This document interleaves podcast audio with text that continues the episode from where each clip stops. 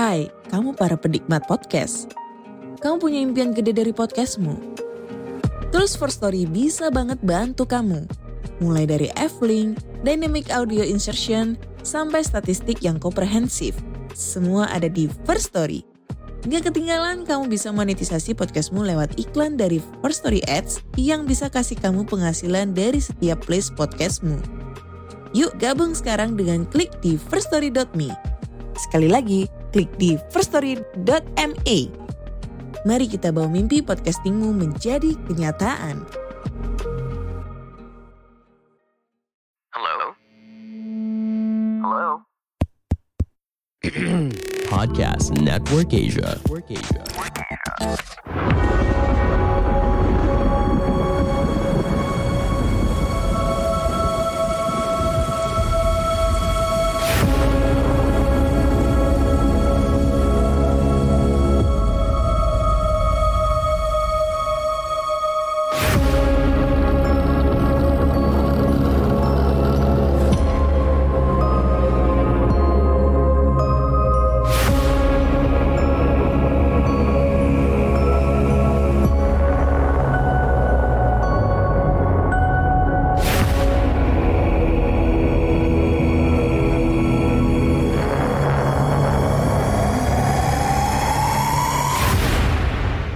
Halo semuanya, welcome back with me again, Iksan, sebagai host kalian yang bakalan nemenin kalian selama kurang lebih 15 menit hingga 30 menit ya, kurang lebih.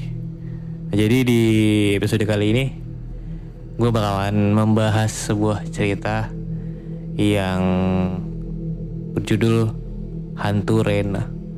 Nama hantunya Rena. Nah jadi ini sebenarnya ceritanya udah lama ya tahun 2021. Sebenarnya gue memang lagi pengen membacakan cerita, membacakan ulang cerita yang tahun-tahun sebelumnya 2019, 2020 gitu. Soalnya um, ya pengen flashback aja zaman-zaman di mana para penulis horor itu masih apa ya masih berdasarkan pengalaman-pengalaman narasumbernya gitu loh. Kayak lebih simpel dan padat dan jelas aja gitu. Dan menurut gue ini salah satunya ya. Jadi thread ini ditulis oleh akun Twitter at Rian Rian FRN FRDNT yang berjudul Hantu Malang bernama Rena. Kalau buat teman-teman nih punya teman namanya Rena, coba kirim ke dia. Ini lu bukan? Gitu tanya. Oke. Nama dan tempat kejadian gue samarkan sesuai permintaan narasumber itu sendiri. Halo, perkenalkan, namaku namaku Rena. Aku lahir di kota B, namun pada saat usiaku menginjak 3 tahun, ayahku memboyong keluarga kami pindah ke kota M. Dari kota B ke kota M. Karena dia memang orang asli karena dia memang asli orang sana. Dan singkat cerita, menetaplah kami sekeluarga di kota kelahiran ayahku tersebut. Aku adalah seorang penakut. Terus terang saja, waktu diriku berusia lima tahun, aku merasakan satu kejanggalan di sini. Aku melihat ibuku pagi-pagi berjalan keluar rumah. Dia membawa uang segepok yang begitu banyak. Aku tidak mengerti, tapi keadaan ekonomi keluargaku memang tidak sekaya itu. Atau bahkan punya uang gepokan sebanyak yang ibu saya bawa. Terus saya nanya sama ibu saya dalam bahasa Sunda. Mama, badai ke mana? Mama mau ke mana? Badai ke warung, kunaon? Badai ngiring? Eh, gana sih logatnya? Badai ke warung, kunaon? Badai ngiring? Gitu ya. Mau ke warung, kenapa mau ikut? Gitu. Aku pun dituntun oleh ibuku untuk pergi bersamaku untuk pergi bersamanya ke warung yang ibuku maksud. Tapi saat satu dua tiga langkah aku berjalan, ada suara wanita yang memanggilku. Heh, Ari, kamu ada ke mana? Kamu mau ke mana? Kata mamaku. Nanya ke aku. Aku melihat ke belakang ke arah sumber suara tersebut. Dan ternyata sumber suara itu berasal dari ibuku yang keluar dari balik rumah. Lalu siapa yang menggandeng tanganku ini? Saat aku melihatnya, orang itu udah tidak ada, hilang dan genggamannya pun udah dilepasin tanpa aku sadari. Singkat cerita, aku pun semakin beranjak dewasa dan masuk ke sekolah SMP pilihanku. Hingga kejanggalan-kejanggalan dan hal aneh mulai menghampiriku di sana. Kejadianku itu terjadi ketika aku baru saja selesai mandi. Pagi hari di jam 6 sebelumnya. Setelah mandi, biasanya aku sering menyalakan televisi dan menonton sejenak. Ketika saya keluar dari kamar, saya melihat ada sosok anak kecil. Wajahnya putih pucat, seperti memakai bedak. Mungkin itu adalah sosok yang orang-orang sebut adalah tuyul. Aku tidak bisa bergerak dan mencoba mengulang istighfar beberapa kali hingga akhirnya sosok itu hilang tak ke mana.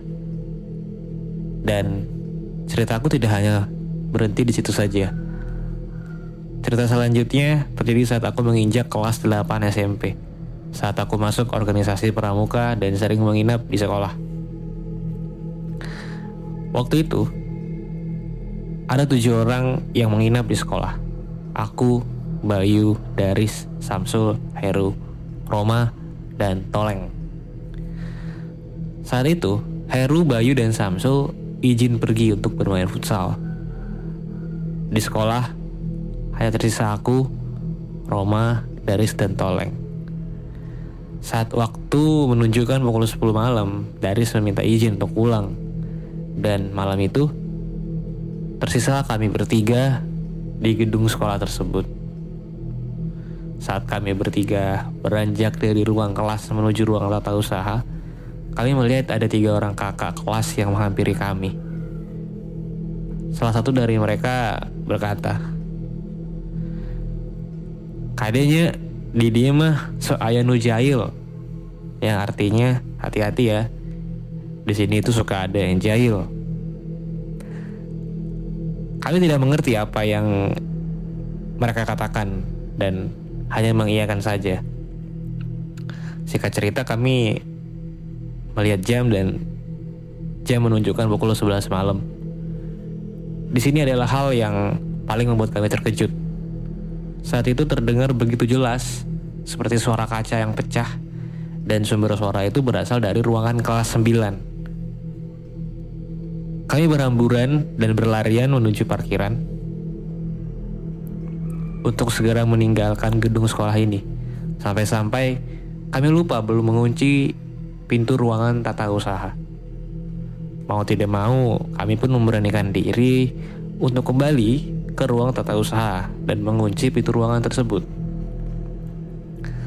Saat itu kami rencananya hendak memberikan kunci itu kepada penjaga sekolah. Namun saat kami sampai di rumah sang penjaga sekolah, istrinya menuturkan bahwa suaminya itu baru saja berangkat ke sekolah untuk memastikan keadaan kami yang menginap di sana. Tapi, tapi, tapi, tapi, saat kami kembali ke sekolah, penjaga sekolah itu justru tidak ada di sana. Alhasil, kami pun menghampiri ketiga teman kami yang masih bermain futsal. Tak lama kemudian, penjaga sekolah itu datang menghampiri kami di tempat futsal. Ia marah kepada kami. Katanya ia sampai mencari kami ke kecamatan sebelah karena takut kami bermain jauh. Saat itu kami bertanya-tanya dan berkata yang sejujur-jujurnya, sejujur-jujurnya kepada penjaga sekolah bahwa kami mendengar suara kaca pecah dan tidak berani kembali ke sekolah kami tersebut. Saat itu, justru penjaga sekolah menanggapi hal tersebut dengan santai. Oh itu, nggak apa-apa. Di sini memang harus kenalan dulu, katanya. Malam itu mungkin nasib buruk tuh, mungkin nasib buruk tengah menimpa aku. Saat aku pulang dan tidur di rumah, aku bermimpi bertemu sosok yang tinggi besar dan memiliki taring yang begitu panjang. Dalam mimpi tersebut, makhluk itu berkata, Abdi nu, Abdi nu ayah di dia, saya yang ada di sini. Ini gitu lah ya. Gue gak pandai bahasa Sunda. Abdi nu ayah di dia. Saat itu, aku pun terbangun dan teringat kata dari penjaga sekolah. Harus kenalan dulu. Mungkin itu adalah maksudnya. Aku yang harus membiasakan diri dengan penunggu yang ada di sekolah ini. Sialnya malam itu tidurku menjadi terasa terganggu.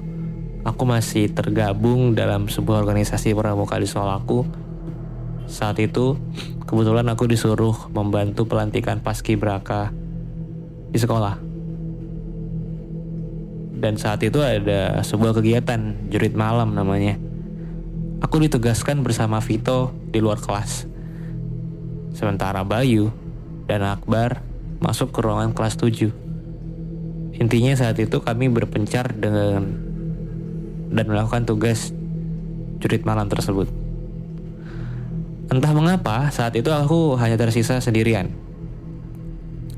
Dengan Vito tiba-tiba hilang dari penglihatan. Saat aku mencari keberadaan Vito, aku melihat sebuah bayangan hitam persis seperti Bayu. Bayangan hitam itu terlihat masuk ruangan kelas 7. Aku pun mengikutinya dari belakang. Namun saat aku sampai di ruangan tersebut, tidak ada siapa-siapa di sana. Hanya sebuah ruangan kelas yang kosong dan sunyi. Acara jurit malam pun selesai. Aku ke, aku kembali bertemu dengan teman-temanku yang lain. Saat itu aku bertanya kepada Bayu. Bay, tadi mana ke ruangan kelas 7?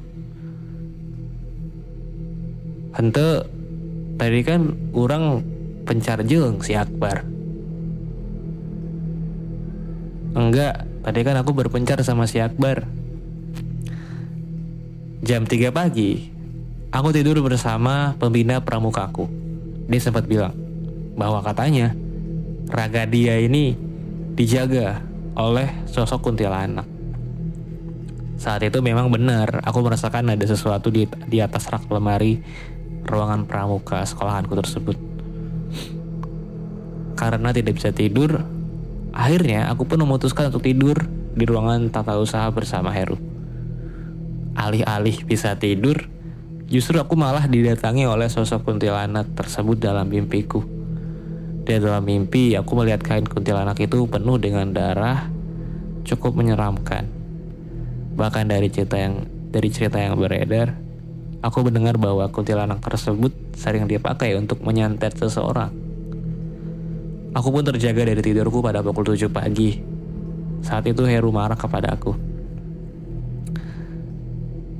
Dihudangkan teh hudang-hudang. Ah, gitu. Dihudangkan teh hudang-hudang. Kok jadi kayak bahasa Medan sih? Kayak orang bahasa Batak kan Teh hudang-hudang. Dihudangkan teh hudang-hudang. Dibangunin gak bangun-bangun gitu maksudnya. Iya, kok jadi kayak logat bahasa Batak ini. Cuman ya. Oke, okay, aja deh.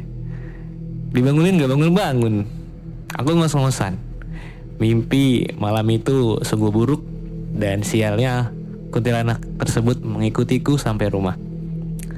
Singkat cerita, aku pun masuk SMA. Aku masuk di kelas IPA 1 di sana aku berkenalan dengan teman-teman baru dan menjalin kedekatan bersama mereka.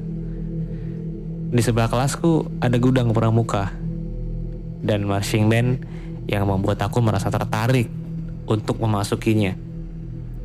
Saat aku masuk ke ruangan tersebut, tempat ini banyak sekali debunya. Ruangannya cukup terbengkalai dan jarang dipakai.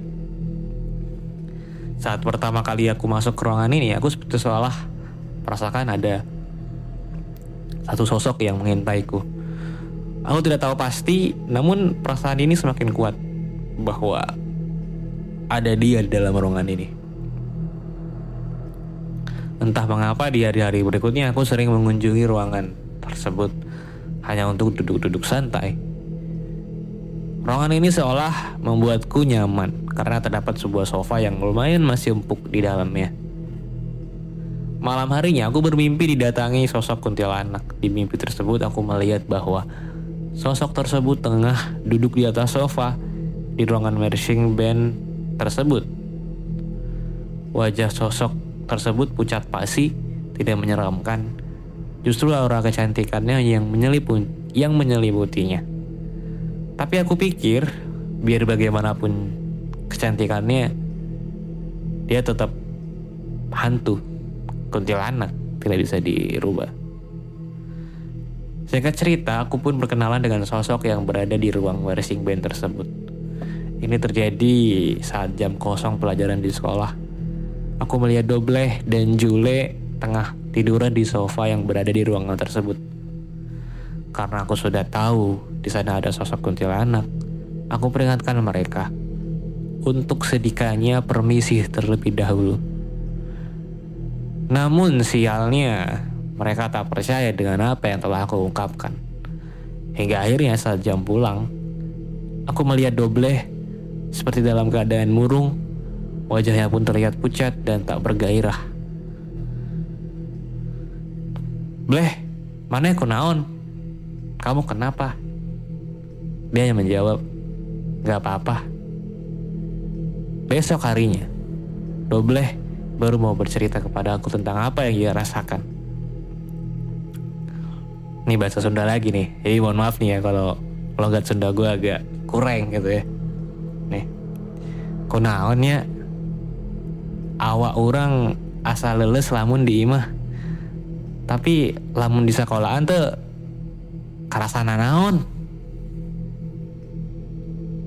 Nah, artinya kenapa ya? Badan aku terasa lemas kalau di rumah, tapi kalau di sekolahan enggak. Hingga akhirnya pada hari Senin setelah selesai upacara bendera, aku pun mulai memberanikan diri untuk berkomunikasi dengan sosok yang berada di rumah, di ruangan marching band itu. Maneh? Nu nempelan babaturan orangnya si doble kataku kamu yang ngikutin temanku ya si doble? Oh ini si si narasumber komunikasi coba komunikasi dengan kuntilanak tersebut. Dan nanya kamu yang ngikutin temanku ya doble? Terus dijawab Heeh. Da si Eta tesupan te sopan ke aing. Dia marah. Iya, dia nggak sopan ke saya. Te sopan ke aing. Gak sopan ke saya. Aku pun memperingati sosok tersebut untuk tidak mengganggu double lagi. Dan entah mengapa dia nurut kepadaku. Dia seolah ingin dekat denganku dan dia pun memperingatkanku agar memberitahu teman-temanku untuk bersikap sopan bila berada di ruangan marching band tersebut. Marching band tersebut. Di saat aku pulang ke rumah, ternyata sosok penunggu yang ada di ruangan marching band tersebut mengikutiku. Sebenarnya aku tidak merasa terganggu dengan keberadaannya. Tapi untuk apa dia mengikutiku sampai sejauh ini? Itu terjadi ketika aku melakukan sebuah perjalanan bersama teman-temanku saat itu.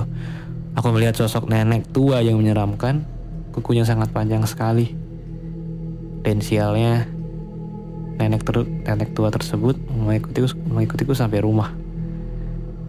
Entah hanya perasaanku, tapi gelagat dari sosok tersebut rasanya memiliki maksud jahat ketika mengikutiku sampai rumah. Aku bahkan sempat dikejutkan saat berhadapan dengannya. Wajahnya begitu menyeramkan dan bahkan ia hendak mencengkramku dengan kuku-kuku panjangnya. Namun yang terjadi berikutnya adalah ketika sosok penunggu ruang marching band itu menghampiri sosok nenek tua yang menyeramkan ini. Dia berkata, Toh nggak ganggu budak iya. Jangan ganggu anak ini. Wih, dibela nih ya. Ceritanya dibela nih. Hingga akhirnya nenek tua itu hilang dan tak terlihat lagi. Dibela men, narasumbernya dibela sama kuntilanak tadi gitu kan. Ini bagian yang paling menyedihkan ketika aku bertanya kepada sosok wanita yang menunggu tempat persing band tersebut. Kenapa kamu masih ada di dunia ini? Tanya aku. Wajahnya seketika berubah menjadi murung. Dia pun bercerita bahwa dulu ia dikejar oleh tiga orang pria. Ia sempat meminta bantuan, namun tidak ada yang menolongnya. Dia bercerita bahwa saat itu ia tidak sengaja membunuh salah satu dari ketiga pria yang mengejarnya tersebut, hingga membuat dua pria yang lainnya merasa kesal kepadanya. Dia berkata kepadaku bahwa ada satu bara yang tertinggal saat ia dia bunuh, saat ia dibunuh. Itu adalah sebuah tas miliknya. Ia sempat minta tolong kepadaku untuk mengambilkan tasnya, tapi aku tidak bisa membantunya. Aku nggak tahu di mana tempat tersebut dan itu pun juga mungkin udah lama banget tahunnya. Hingga akhirnya aku menanyakan namanya. Karena dari awal aku penasaran akan hal tersebut. Oh, jadi mau dipanggil Rena. Dia tersenyum. Sampai saat ini, Rena sudah tidak lagi terlihat. Mungkin Rena sudah lega karena aku sempat mau jadi teman ceritanya. Aku pikir ini impas Semoga dia sega dia sekarang dalam ketenangan. Oh iya, aku sebenarnya sempat menggambarkan wajah Rena. Namun entah ke mana gambar itu hilang. Sebenarnya aku bisa saja menggambar ulang lagi wajahnya namun aku tidak bisa jika tanpa izin darinya. Selesai. nice. Maksud gue, Rena, Rena, kenapa ente ke ruangan marching band gitu kan? Kenapa nggak kantin gitu? Atau enggak ya at least di kantin lah. Kalau lu di kantin kan enak gitu. Malam-malam bisa makan. Makan makanan di kantin. Kalau di marching band apaan anjir? Kalau lu lapar masa lu lapar main drum? Atau enggak main necis? Alat musik yang gitu. Bukan kenyang malah capek anjir pengang telinga Hai Rena. Jadi oh mungkin dia itulah alasannya kenapa dia hilang dari ruangan marching band. Sebenarnya bukan hilang ya. Dia pindah ke ruangan kantin. Enggak, enggak, gue bercanda. Itu, itu cuma cerita gue aja. Ya tapi intinya terima kasih buat Rian udah menceritakan ulang cerita dan sumbernya Oke teman-teman, itu aja ya kali ini di episode gue. Apa sih? Itu aja dari gue kali ini di episode hari ini. Iya. Gue Iksan. Sampai jumpa lagi di episode berikutnya. Jangan lupa buat share ke teman-teman ya. Dadah.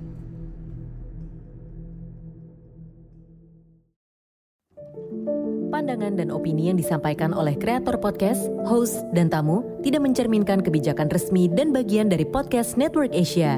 Setiap konten yang disampaikan mereka di dalam podcast adalah opini mereka sendiri dan tidak bermaksud untuk merugikan agama, grup etnik, perkumpulan, organisasi, perusahaan, perorangan, atau siapa pun dan apa pun.